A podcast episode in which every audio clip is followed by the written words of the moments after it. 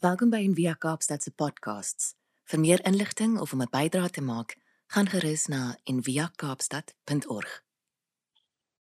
Wil ons vandag se se skriflesing lees. Die skriflesing dis ek weet ek, ek gaan baie aan oor oor die leesrooster en hoe amazing dit is, nee maar hierdie is amazing.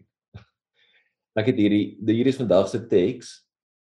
So ek het nie hierdie teks gaan kies en hierdie preek ek sê eers gemaak in hierdie week nie. Ek het al 2 weke terug gemaak voordat ons op vakansie gegaan het. En ehm um, toe alles losbreek in die land hierdie week, toe dink ek ek dit is vir my so ongelooflik dat dit goed so perfek inval en inpas. Ehm um, dat hierdie verhaal en die die kan die boodskap en goeders aan ek so mooi inval in wat eintlik in ons land aan die gang is in hierdie week. So ek wil vir ons die teks lees, is Markus 6. Ehm um, ek dink ons lees uit die 83 vertaling. Maar jy kan saam met my lees en dan is ons 'n bietjie daar praat. Die teks lees: En die apostels het by Jesus saamgekom en hom alles vertel wat hulle gedoen sowel as wat hulle geleer het. En hy sê vir hulle: Dis nou toe hulle nou teruggekom het en hy het hulle uitgestuur. En hy sê vir hulle: Kom julle self in die eensaamheid na 'n verlate plek en rus 'n bietjie. So Markus het ehm um, hierdie definitiewe ritme van aksie en stilte op wegbreek. Ehm um, waar Jesus self die hele tyd hy bedien en dan gaan hy terug en dan gaan hy weg in eensaamheid. Daai daai eensaamheid na 'n verlate plek is eintlik dieselfde taal wat gebruik word vir 'n woestyn om 'n woestyn te beskryf. Ehm um, so gaan weg en rus 'n bietjie stilte. Ehm um, En dan sê Jesus van daar is baie wat kom en gaan en hulle het selfs geen geskikte tyd gehad om te eet nie. So daar was baie mense skaar is wat die hele tyd na hulle toe gekom het. En hulle het met die skuit vertrek na 'n verlate plek in die eensaamheid. En die skare het hulle sien weggaan en baie het hom herken en te voet van al die stede af daar saam gestroom en voor hulle uitgegaan en by hom vergader. Jesus kon nie wegkom van al die mense af nie. En toe Jesus uitklim, sien hy 'n groot menigte. Hier is altyd vir my so mooi teks. Hy sê en 'n groot menigte en hy het vir hulle innig jammer gevoel. Omdat hulle so skape sonder 'n herder was, herder was. En hy het hulle baie dinge geleer. En dan wat interessant is van die hierdie week se leesrooster, is hy dit dit slaan eintlik 'n stukkie oor in die teks. Die stukkie uit daar's 'n stuk tussenin wat praat oor die vermeerdering van die brode en die visse. Jy ken daai bekende storie hoe Jesus vir almal kos gee en hoe Jesus op die see loop. Een van die vertellings van hoe hy op die water loop binne in die storm. So en dan gaan die leesrooster aan en dit sê en nadat hulle oorgevaar het, het hulle by die land Genesaret aangekom en daar aan Paul gelê. So hierdie vers 53 is my amper die sleutelteks vir vandag, hierdie oorgevaar idee sonder ek sonder nou 'n bietjie meer verduidelik oor. Hy sê en toe hulle uit die skei gaan, het mense hom dadelik herken. Aan daardie kant ook. En hulle het in daardie hele omtrek rondgeloop en die wat ongesteld was op bedde begin ronddra na die plek waar hulle hoor dat hy is. En waar hulle ook al ingegaan het in die dorpe of stuur of die buitewyke, het hulle die wat ongesteld was, ongesteld beteken nou siek in hierdie vertaling, siek was, op die markpleine neergesit en hom gesmeek om al was dit maar net die soem van sy kleed aan te raak en almal wat hom aangeraak het het gesond geword. Dis net dis belangrik om te vers 53 hulle het oorgevaar en dit al die goed aan die ander kant gebeur. En dis kan die belangrike deel van hierdie van hierdie verhaal van hierdie storie. So daar is see en vrede is waar ons praat. So Die vraag wat ons mekaar vra in hierdie hele tyd is hoe leef ons as as kinders van die koninkryk? Hoe leef ons in ons wêreld? En ek dink in hierdie week met al die craziness wat aangegaan het, is hoe leef ons? Weet is dit nou soos is dit soos tyd om te trek? Is dit tyd om op te gee? Is dit tyd om te werk? Is dit tyd om te proteseer? Is wat hoe leef jy as 'n iemand wat agter Jesus aanloop in hierdie wêreld? En ons lewe in hierdie wêreld met so regtig 'n diep diep skeiding. En ons oral sien ons dit en hierdie week veral ook weet hierdie absolute polarisasie. Mense wat soos bitterlik van mekaar geskei is. het ten spyte van wat hierdie week gebeur het, nog voor dit ook. Dis mense is net so die wêreld word net al hoe meer so lyne getrek en mure gebou en grense getrek en versterk. En ons word geskei deur soos ideologie en politiek en ekonomiese teorieë en ryk en arm en ehm um, moraliteit, geloof, teologie en ons is baie keer weet ons is baie geneig om hierdie goed so te ons wil dit oor vereenvoudig. Ons sê o, dis eenvoudig. Dis die dis die konservatiewe mense teen die teen die teen die teen die teen die liberale mense of die liberales teen die konservatiewes. Dis die weet links links teen regs of swart teen wit of man teen vrou of weet gay teen straight of wat ook al dit is, hè. En ehm um, Ronald Rolheiser, een van my gunsteling teoloë, so katolieke teoloog, hy sê hy skryf dat omtrent amper in elke sosiale en morele kwessie, deesdae soos 'n en politieke kwessie, het soos 'n slagveld geword. Weet, wat ons hierdie week kon gesien het in ons eie land, waar ook so goed soos vroueregte in elke ding, climate change, gender, uh seksualiteit, ehm um, die regering en dan het ons ook begin praat van die pandemie en enstowwe en lockdowns en en looting en alles wat aangaan. So jy I mean jy kan net soos jy jy hoef nie eers ver te gaan om dit raak te sien hierdie skeiding. Jy kan net jou Instagram of jou Facebook feed oopmaak en jy sien die opinies wat vlieg en ons is aan hierdie kant en ons is aan daai kant en ons teen hulle en hulle doen dit en ons doen dit en en dan op elke liewe vlak weet obviously met die met die proteste en die goed wat aangegaan het hierdie week het jy dit gesien en maar meer as dit binne in elke level van ons samelewing is daar soos hierdie hierdie skeidingsdeeltyd. En kerk, I mean kerke is obviously nie uitgesluit nie. En kerke op die beste van die op die beste van tye sukkel ons om saam te stem oor goeders. Ehm um, en ons kan sukkel om net 'n beskaafde gesprek te hê oor enige een van hier al hierdie onderwerpe sonder om in 'n geveg te eindig. En jy weet veral nie op social media nie. Dis nie die beste plek om 'n gesprek te hê in 'n geval nie. En so ons kan nie ons sukkel selfs in kerk om 'n selfs 'n sensitiewe saak te in ons eie in ons eie familie en ons eie kerkfamilie te bespreek. So en dan en dan wat gebeur is dat in steede daarvan dat ons met mekaar praat oor die grense heen, nê, praat ons net met ander mense wat soos ons dink. Ons praat oor geloof en politiek en seksualiteit en en selfs kos, nê, net binne ons eie ideologiese eenderse kringe. Hoe jy dink oor wat jy eet nê nee, en hoe kwaad mense vir mekaar raak want jy mag nie vleis eet nie of jy moet vleis eet of jy moet dit of dat of wat ook al jy mag nie nou, nou praat ons net met mekaar en dan stook ons net eintlik mekaar op en dan voer ons eintlik net ons eie kan 'n prejudices en ons eie verontwaardigings aan om en dan raak almal net soos kan meer onverdraagsaam en meer bitter en nog meer judgmental en veroordelend teenoor die mense in die kerk langs aan of hulle of die ander of ook al nê. En die Bybel het 'n het 'n woord vir hierdie nê. En dit is nie 'n woord wat ons van hou nie. Die woord is haat. Dis wat dit is. En Rolaiser beskryf dit ook so en weet dit is die regte woord. Dis haat. En die die die vraag is dan obviously maar wat wat doen ons nou nê? Wat doen ons nou? Is ons net meer tolerant? Is dit is dit wat ons moet doen? Want ons net meer tolerant wees. Net ons los mekaar net uit. Weet you do you. Jy sit aan daai kant en jy doen net jy en dis kan af. En ons of dalk moet ons net kan 'n bietjie mooier dinge dink oor mekaar. Ons moet net kan 'n bietjie net nicer wees met mekaar iets soos dit.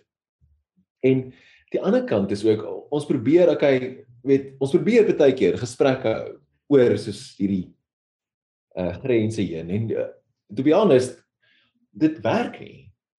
Het baie van hierdie baie groepe probeer om gesprekke te hê oor hierdie grense heen, maar sonder veel sukses. Dit eindig daai gesprekke loop eintlik uit net altyd in soos wie kan die meeste ideologiese punte skoor en dan eerder as om regtig probeer mekaar te verstaan. En so waar het die vraag dan so waar waar los dit ons in hierdie kind of absolute absolute chaos en gemors. So vandag se teks is Markus, boek van Markus. En so 'n bietjie 'n vreemde stukkie teks en dit los 'n groot deel in die middel uit. Die deel van die die brood en die visse, die wonderwerk en dan Jesus wat op die water loop. So hierdie hierdie vertelling in Markus is nie die een die een wat ons altyd ken wat jy in die skoolskool gewoonlik leer as die uh, die een waar Petrus uit die boot klim en dan sink hy, nê? Nee? Maar hierdie is nie daai een nie. Daar's meer as een vertelling. Hierdie is 'n ander een waar Jesus stuur hulle vooruit en dan en dan stap hy na hulle toe op die water later wanneer die storm al aan die gang is. So hier sit 'n dag Markus 'n groot aankondiging En is sommer in vers sy boeke as jy dit lees, jy kan dit sommer in een sitting, dit vat jou so 25 minute om die hele Markus te lees, kort. En dan uh, sommer in die eerste sê 18 hoofstukke. So in die eerste vers, Markus begin vinnig. Hy sê en toe dit en toe dit en toe dit en toe dit en Jesus het vinnig gegaan. Hy vinnig, is so so hy's so haastig. Ehm um, iemand het nou reg gesê Jesus is nie haastig nie. Ek bra, jy het nog nie Markus gelees nie. Jesus is flippend haastig in Markus. Hy's die heeltyd so go go go go volgende volgende volgende. So en Markus skryf dit ook so. Hy som sommer die die die hele boek op in die eerste sin. Dit sê die evangelie van Jesus Christus, die seun van God. Boom, hè, nee, klaar. Dis dit. En dan uh en dan begin hy die storie vertel. So die hele res van die boek pak Markus uit hoe hierdie Jesus die seun van God is. Hoe hy die Messias is. En nou net weer, nee, dis ek sê dit so baie, maar dit is super belangrik vir almal wat dalk eerste keer luister of uh, saam sit. Die Messias is 'n persoon wat verwag was deur die Jode, soos 'n groot politieke en oorlogsleier, soos 'n freedom fighter wat Israel sou kom bevry van die Romeine af, nê? Nee? En daai figuur is soms die seun van God genoem. Maar nêrens, nêrens is die verwagting dat die Messias God self is nie. Messias is nie gelyk aan God nie. Dis nie wat dit beteken nie. So die Jode verwag 'n freedom fighter. Hulle verwag nie dat God hierdie persoon is nie. Dis nie dieselfde ding nie. So in die en dan reg in die middel van van Markus hoofstuk 8 dan kry ons hierdie dit is eintlik al vir Markus hou daarvan hy maak broodjies die hele tyd. As jy die boek lees en jy let 'n klein bietjie op en jy lei nie so baie aan versites nie, jy weet jy lees net 'n storie. Dan kom jy agter Markus maak heeltyd broodjies. Hy hy vertel 'n storie, dan vertel hy iets anders, hy vertel hy 'n soortgelyke storie weer. Ehm um, en hy doen dit met die hele boek en dan die hele boek is eintlik so een groot broodjie. Die maklik die belangrikste ding sit reg in die middel, daai hoofstuk 8. Ehm um, Jesus vra vir sy disippels. Hy sê vir hulle: "Wie is ek? Wie wie sê julle is ek?" En dan antwoord Petrus dan sê hy: "Uh jy is die Messias, die seun van God, nê?" Nee, Petrus se beste oomblik. Dis die beste oomblik tot dusver. Maar dit hou nie baie lank nie. Jesus sê vir hom kort daarna sê Jesus: "Jy's reg." En hierdie is openbaar aan jou. Jy het nie self uitgedink nie. En dan gaan Jesus en hy sê, dit is so wat jy gesê het, maar ek moet sterf. Ek moet ly onder die Romeine. Dis baie belangrik. Maak daai vas in jou kop vir nou. Ek moet ly onder die Romeine en die Joodse leiers, nê? Romeine en Joodse leiers, twee spanne wat teen mekaar is. En dan Petrus ou niks van hierdie nie. Niks. Hy want Petrus verwag 'n Messias, nê? Freedom fighter. Freedom fighters moet nie doodgaan nie. Dit werk nie so nie. Petrus vat Jesus een kant toe en dan die die Afrikaanse vertaling sê hy berisp hom, nê? Nee? Hy vat hom so 'n bietjie vas. En dan by daar stak Petrus se stak nou weer. En so dis nie wat 'n Messias moet doen nie. Petrus sê vir hom eintlik, weet jy wat? Jy is sorry, maar jy verstaan nie. Dis nie wat 'n Messias moet doen nie. Jy het jy het dit verkeerd. Ons moet beklei. Dit hulle is teen ons. Hulle onderdruk ons moet beklei. Dis wat hier moet gebeur so dan nie Petrus se beste oomblik nie. So en dan kom Jesus se wildste uittrap. Mense wat altyd so dink, jy weet liewe Jesus wat so meek en mild is. Uh liewe Jesus sê dan vir Petrus, staan agter my Satan, nê? Nee, hy haal hom soos one shot net uit en sê dit is nie dis nie hoe dit werk nie. So dis kan op wie Jesus is. Maar die die wat Markus se groot openbaring is, is Jesus is die Messias, maar 'n Messias wat anders is, 'n Messias wat moet lei onder die Romeine en onder die Joodse leiers. So heeltemal heeltemal iets anders. Reg. So hou net daai kan op in jou kop. Hierdie hele verhaal speel af op die see van Galilea. Ek gee 'n prentjie wys. Hierdie keer uh dis ons ek sê vir die prentjie. Die is see van Galilea. Daai kyk eintlik dit kyk uh wat daai oos. So daai is die die uh Israel se kant ek sien in die in die Bybelse tyd was obviously met die sonsondergang. So die see van Galilea loop van noord na suid. Dit is so lank, so lank hoe val kan dit meer. En as jy as jy op die O, oh, sorry, daar kan jy nou mooi die prentjie sien. Maar as jy op die as jy op die kaart kyk van Israel, dan sal jy sien dat aan die aan die regterkant, aan die regterkant van die see was die ehm uh, die Decapolis in in in in hierdie teks sê dit Genasaret. Maar Decapolis is soos 10 onafhanklike Griekse stede, nê? Nee? Die heidene. Nê, nee, so of as jy 'n goeie Jood is as jy gesê het hulle. Weet hulle. Ons like ons om te praat van hulle. So hulle was aan die ander kant. En aan aan aan hierdie kant, die kant wat ons nou gekyk het eintlik op daai foto, is dan Israel. Die Jode. So en wat wat verskriklik interessant is in ehm um, in Markus is Markus noem hy's die die eerste evangelie wat hy noem die meer want dis 'n meer, dis nie 'n see nie, dis 'n meer. Groot meer, maar is 'n meer. En Markus noem dit 'n see. So hy's die eerste een wat actually dit 'n see begin noem. So en dis nie per ongeluk nie. Hierdie idee van see is eintlik baie baie belangrik.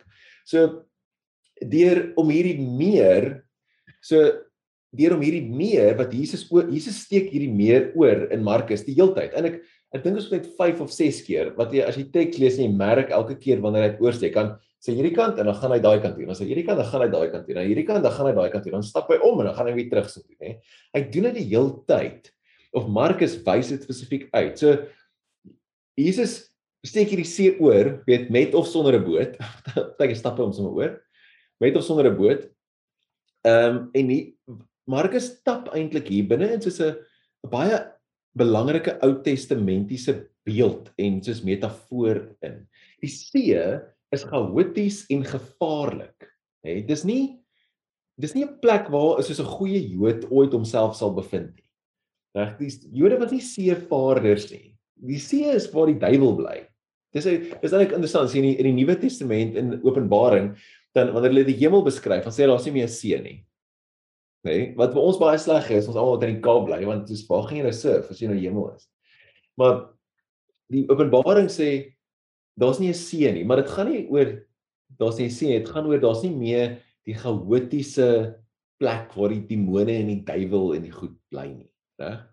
So Jesus stap in daai ag Markus stap in daai in. So hierso's 'n hierso hier's 'n prentjie. Ek hou van hierdie skildery, dis Rembrandt se ehm um, Storm on the Sea of Galilee. Dis net 'n skildery wat gesteel is.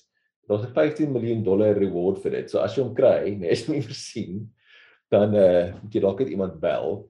Maar ehm um, Rembrandt is actually in daai skildery. Jy kan hom sien, hy het homself ingeskilder. Hy's 'n mannetjie in die middel met die met die blou en dan die rooi hoedjie is Rembrandt self. Hy skilder homself altyd in sy skilderye. Maar dis nou die storm, weet, see storm. So Die see is chaoties en gevaarlik en dis 'n plek waar mense moet so serieus staat maak op God. Psalm 107 en ek as jy dit gaan lees, dan praat dit oor die see en hoe jy moet jy as jy op die see gaan, moet jy jou saak met die Here moet reg wees, hè. So Markus verwys op 'n manier na hierdie Ou Testamentiese idee van die chaotiese see, reg? En op 'n manier dit herinner baie aan die verhaal van Jona. Dis 'n mooi prentjie van Jona dit laat my 'n bietjie dink aan Paulus se skilderye, maar so as jy die storie van Jona onthou, nê? Hy word gestuur deur God om 'n boodskap te bring aan hulle, aan die Niniviete, die uh, mense aan die ander kant wat niemand van hou nie, die Assiriërs, die aardsvyande van Israel, en hy wil nie. Hy wil nie want hy weet God is so genadig, God gaan hulle vergewe. En hy wil nie hê God moet hulle vergewe nie, so hy gaan nie. So Jona koop aan 'n kaartjie in die ander rigting en hy raak aan die slaap op die boot. En wat flipper interessant is, in die ander vertelling in Markus, Markus 4, wanneer hier daar's weer 'n storm op die see, dan's Jesus weer aan die dan's Jesus aan die slaap op die boot. Net soos net soos Markus. En dan maak die disippels hom wakker en sê, "Hoor jy, ons gaan vir uh, nie soos Markus nie, soos Jona." Jesus raak ook aan die slaap op die boot net soos Jona. En dan maak die disippels hom wakker en sê, "Ons gaan vergaan, ons gaan vergaan, ons gaan vergaan, help ons." En dan maak Jesus die storm stil. En die Jona verhaal dan maak hulle hom ook wakker en dan gooi hulle hom hulle gooi hom oorboord en dan vang die vis hom nou weer aan daai storie. Jona eindig onder die water. Jesus eindig bo op die water. Reg? Voor hulle aankom by die die helle. Die helle. Nou in die middel van vandag se teks, nê, is eintlik ook is daai die Jesus wat op die water loop en dan die brode en die visse storie So hierdie hierdie brode en visse storie is aan is aan is aan is aan ehm um, hierdie kant. Daar's nog 'n vermeerdering in in Markus wat hy weer brood vermeerder, maar hy doen dit aan hulle kant. Aan die ander kant. So hy gee kos vir al die Jode en dan gaan hy dan gee hy kos vir al die hulle ook, vir al die heidene. En wat nog meer interessant is van hierdie storie is Markus 5, net voor dit Markus 5 sê, dan sien jy Herodes, die Romein, hou 'n groot partytjie. 'n Groot partytjie waar daai storie waar Johannes die Doper se kop afgekap word. Hou 'n groot partytjie en die die ehm um, die teks sê dit so mooi. Dit sê hy dis sy verjaarsdag en hy hou 'n banket en hy hou dit toe vir sy groot manne, groot manne en die owerstes die owersters oor 1000 en die vernaamstes van Galilea. So vir al die fancy mense, vir die elite. En dan is dit so mooi, Herodes se banket en dan Jesus vat 'n klein seentjie se brode en visse in die volgende hoofstuk en hy gee dit vir almal. En nie net vir die Jode nie, hy gee later vir die ander mense aan die ander kant ook nog. So Jesus steek die see, die chaotiese plek waar die demone bly in Markus meer as een keer oor. En goeie Jode het nie na die ander kant toe gegaan nie. Na die Decapolis toe nie. Jesus doen. Jesus loop sommer op die water van hierdie gevaarlike see wat almal skei. En dis wat Jesus doen. Jesus hy maak die sirkel groter. Hy steek die see oor. En dan in die Markus 6 sê die dis my so mooi dit dit sê Jesus stap op die meer en dan sê hy die teks sê hy het gesien hoe swaar die disippels roei teen die wind. Hoe swaar hulle probeer hierdie ding oorsteek en dan loop hy op die water op die water. En hy steek hierdie ding oor. Vandag se leesrooster teks het ook Efesiërs in Efesiërs 2. En Efesiërs 2 praat van die muur wat tussen die van hoe Jesus die muur wat tussen die heidene en die Jode gebou is afgebreek het. So dit was letterlik 'n fisiese muur in die tempel wat mense geskei het met so 'n bordjie op.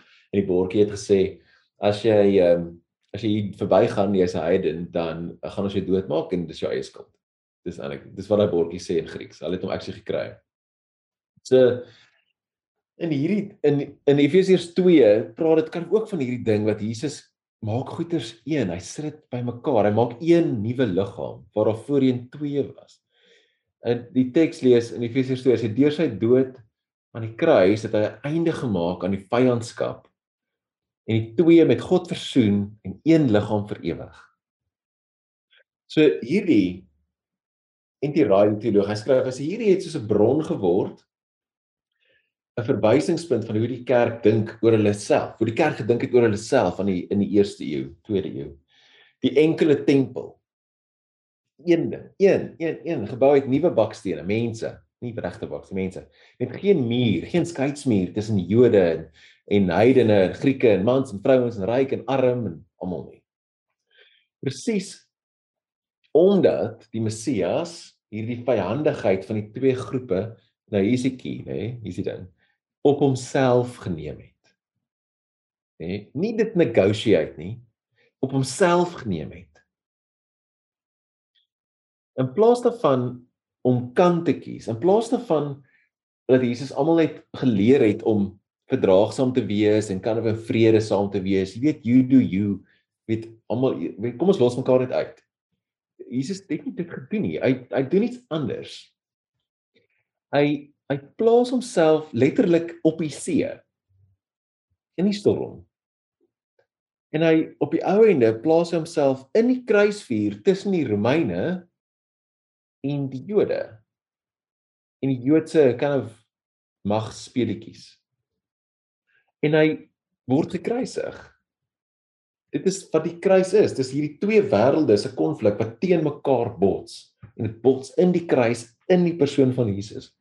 So hy maak klaar met hierdie simboliese heelal wat verteenwoordig word deur die die Torah en die tempel en die Jode en dan die heidene aan die ander kant en die Romeine en die wat alles hierdie konflik tussen almal, die ryk en die arm en die klasse en al die goed en hy maak klaar met dit.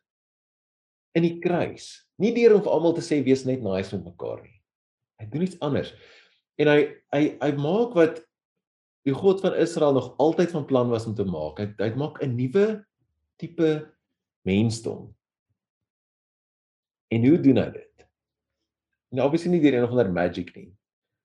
En hy het nie Jesus het nie mure afgebreek deur een of ander kind of mistiese skuld afbetaal met sy lyding vir ons sondes. So asof dit nou of nodig is om God te kalmeer soos die heidene soos die soos die heidene gode met bloed sodat hy die hekke van die hemel sal oopsluit. Kyk daai prentjie van God is bloeddorstig en dan as jy vir hom genoeg die offer reg is en groot genoeg is dan sal hy die hekke van die hemel oopsluit. Dis nie dis nie wat gebeur nie. En so wat gebeur het met die kruis en die dood van Jesus is iets wat wat vra dat ons dit ook volg, dat ons dit ook doen. Nie net dit bewonder nie. Wat gebeur het, het dus 'n pad oopgemaak. Dit en dis waar tussen ons en God en dis waar. Maar wat gebeur het is ook iets vir ons om na te streef kan en te doen. Soos Jesus van die nagmaal gesê het, jy ter herinnering aan my, doen hierdie. Jesus se passie en sy dood wat dit gedoen het was om hierdie soos hierdie bitterheid en hierdie skeiding te transformeer eerder as om dit net kan terug te gooi om dit uit, op die kruis het Jesus en dit is so misties en kan moeilik om te verduidelik maar dit is asof hy asof al die donker in die wêreld in hom ingegaan het asof hy dit in homself ingeneem het tussen al hierdie groepe wat teen mekaar beklei in homself in van beide kante af en dit getransformeer het in die dood en opgestaan het en in liefde daai goed teruggegee het. Jesus het bitterheid ingeneem vasgehou getransformeer en genade teruggegee. Hy het vloeke gevat en dit vasgehou in homself en seën teruggegee. Hier het paranoia gevat en metanoia groot groot gedagtes teruggegee. Hy het al hierdie vyhandelikheid, hierdie skeiding, alles ingeneem en vasgehou en dit getransformeer. En dit was soos die groot geheim van ware gemeenskap. Dat ons 'n gemeenskap kan bou deur deur haat te absorbeer en te hou binne onsself en daardeur deur die krag van die Gees dit te transformeer. Ek laasweek het Theo ook vir Tolstoy gekwote en gesê het there's only one way to put an end to evil and that's to do good for evil. Dit is amper iets soos 'n soos 'n filter wat al hierdie gifstowwe uithaal. En so is ons daai filter nou. Dis wat Jesus gedoen het en nou kan ons dit doen. Die filter om daai gifstowwe in ons land en ons gemeenskappe te absorbeer en dan genade en liefde en openheid en goed terug te gee. En dis hoe jy daai skeiding oorbrug. Dis hoe jy oor die see loop. Soos Jesus. En deur middel van Jesus. Hier om te vergewe. En dan om jou hierdie wat ek die belangrikste ding hè. En ek dink dis baie keer wat vergifnis is, is om jou reg om reg te wees op te gee. Dis wat dit is. Om Jesus se voorbeeld te volg en te dien. En dan die grootste ding om te beweeg na die seer, na die stikkend. Dis wat ons geroep word as gemeenskap om te doen. Dis wat ons geroep word om te doen. En ek dink en via Ons hou dit, ons kan dit so goed doen. Ons kan seer en pyn en goed so goed vashou. Dis nie iets wat ons vermy nie. Ons ons teologie en ons spiritualiteit en so is groot genoeg om swaar kry vas te hou en meer as dit te, te transformeer. Iemand skryf in die week, hy sê jy, jy moet dit so vashou dat dit reg deur jou slat tot heel onder want dis waar transformasie gebeur sodat jy kan opstaan uit dit uit kan opskop van die bodem van die swembad af kan opskop en kan uitkom en liefde en genade en vergifnis en diens al daai mooi goed teruggee.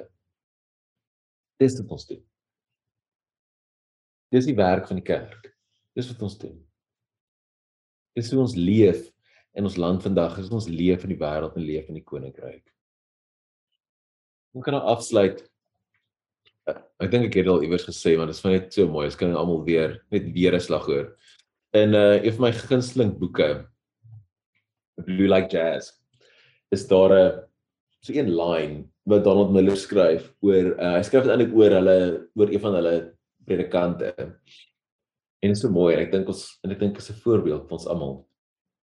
Dit lees sê the human struggle bothered Rick as if something was broken in the world. Ek kyk ons weer 'n stuk in na hierdie week.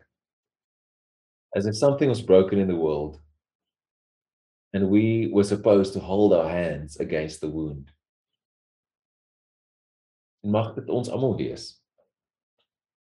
Mag dit ons wees as mense wat agter Jesus aanloop as in via mag ons daai mense wees wat nie klippe gooi nie, wat nie lyne trek nie, maar wat die pyn absorbeer en ons hande op die wonde sit, selfs al loop die bloed dwars oor ons. Mag ons so gemeenskap wees. Mag ons dit vir mekaar wees waar ons gemeenskap nou seer het en waar ons iemand verloor het in ons gemeenskap mag ons dit wees vir mekaar. En ons hande op mekaar se wonde ook hou. Kom ons bid saam julle. Dankie Here Jesus vir u getrouheid dat u die die see oor kruis het. Dat u vir almal kos gee. Aan al die kante. Dat hy in die middel staan van die bekleierery en die houe vat van albei kante af. Daai houe transformeer in 'n nuwe mensdom. 'n Mensdom waar daar nie meer ryk of arm of man of vrou of Griek of Jood of wat ook al is nie. Maar net mense. Kinders van die lig. Mag ons 'n gemeenskap wees wat in die spore op die water volg en oorsteek. En ons hande op die wonde gaan hou. Ons loof U naam. Gee ons krag. Amen. Dis welkom om jou hande so uit te hou as jy wil en dan uh spreek ek vir ons se seën uit. Mag jy in vrede gaan vrede gaan en vrede bring. Mag jy jou hande teen die wonde van ons land en die wonde van ons wêreld gaan druk. Mag jy die pyn en die seer van ons gemeenskap absorbeer. En diens uitdeel en liefde uitdeel en vergifnis uitdeel. In die naam van die Vader en die Seun en die Heilige Gees. Gaan in vrede. Amen. Dankie dat jy saam geluister het vandag.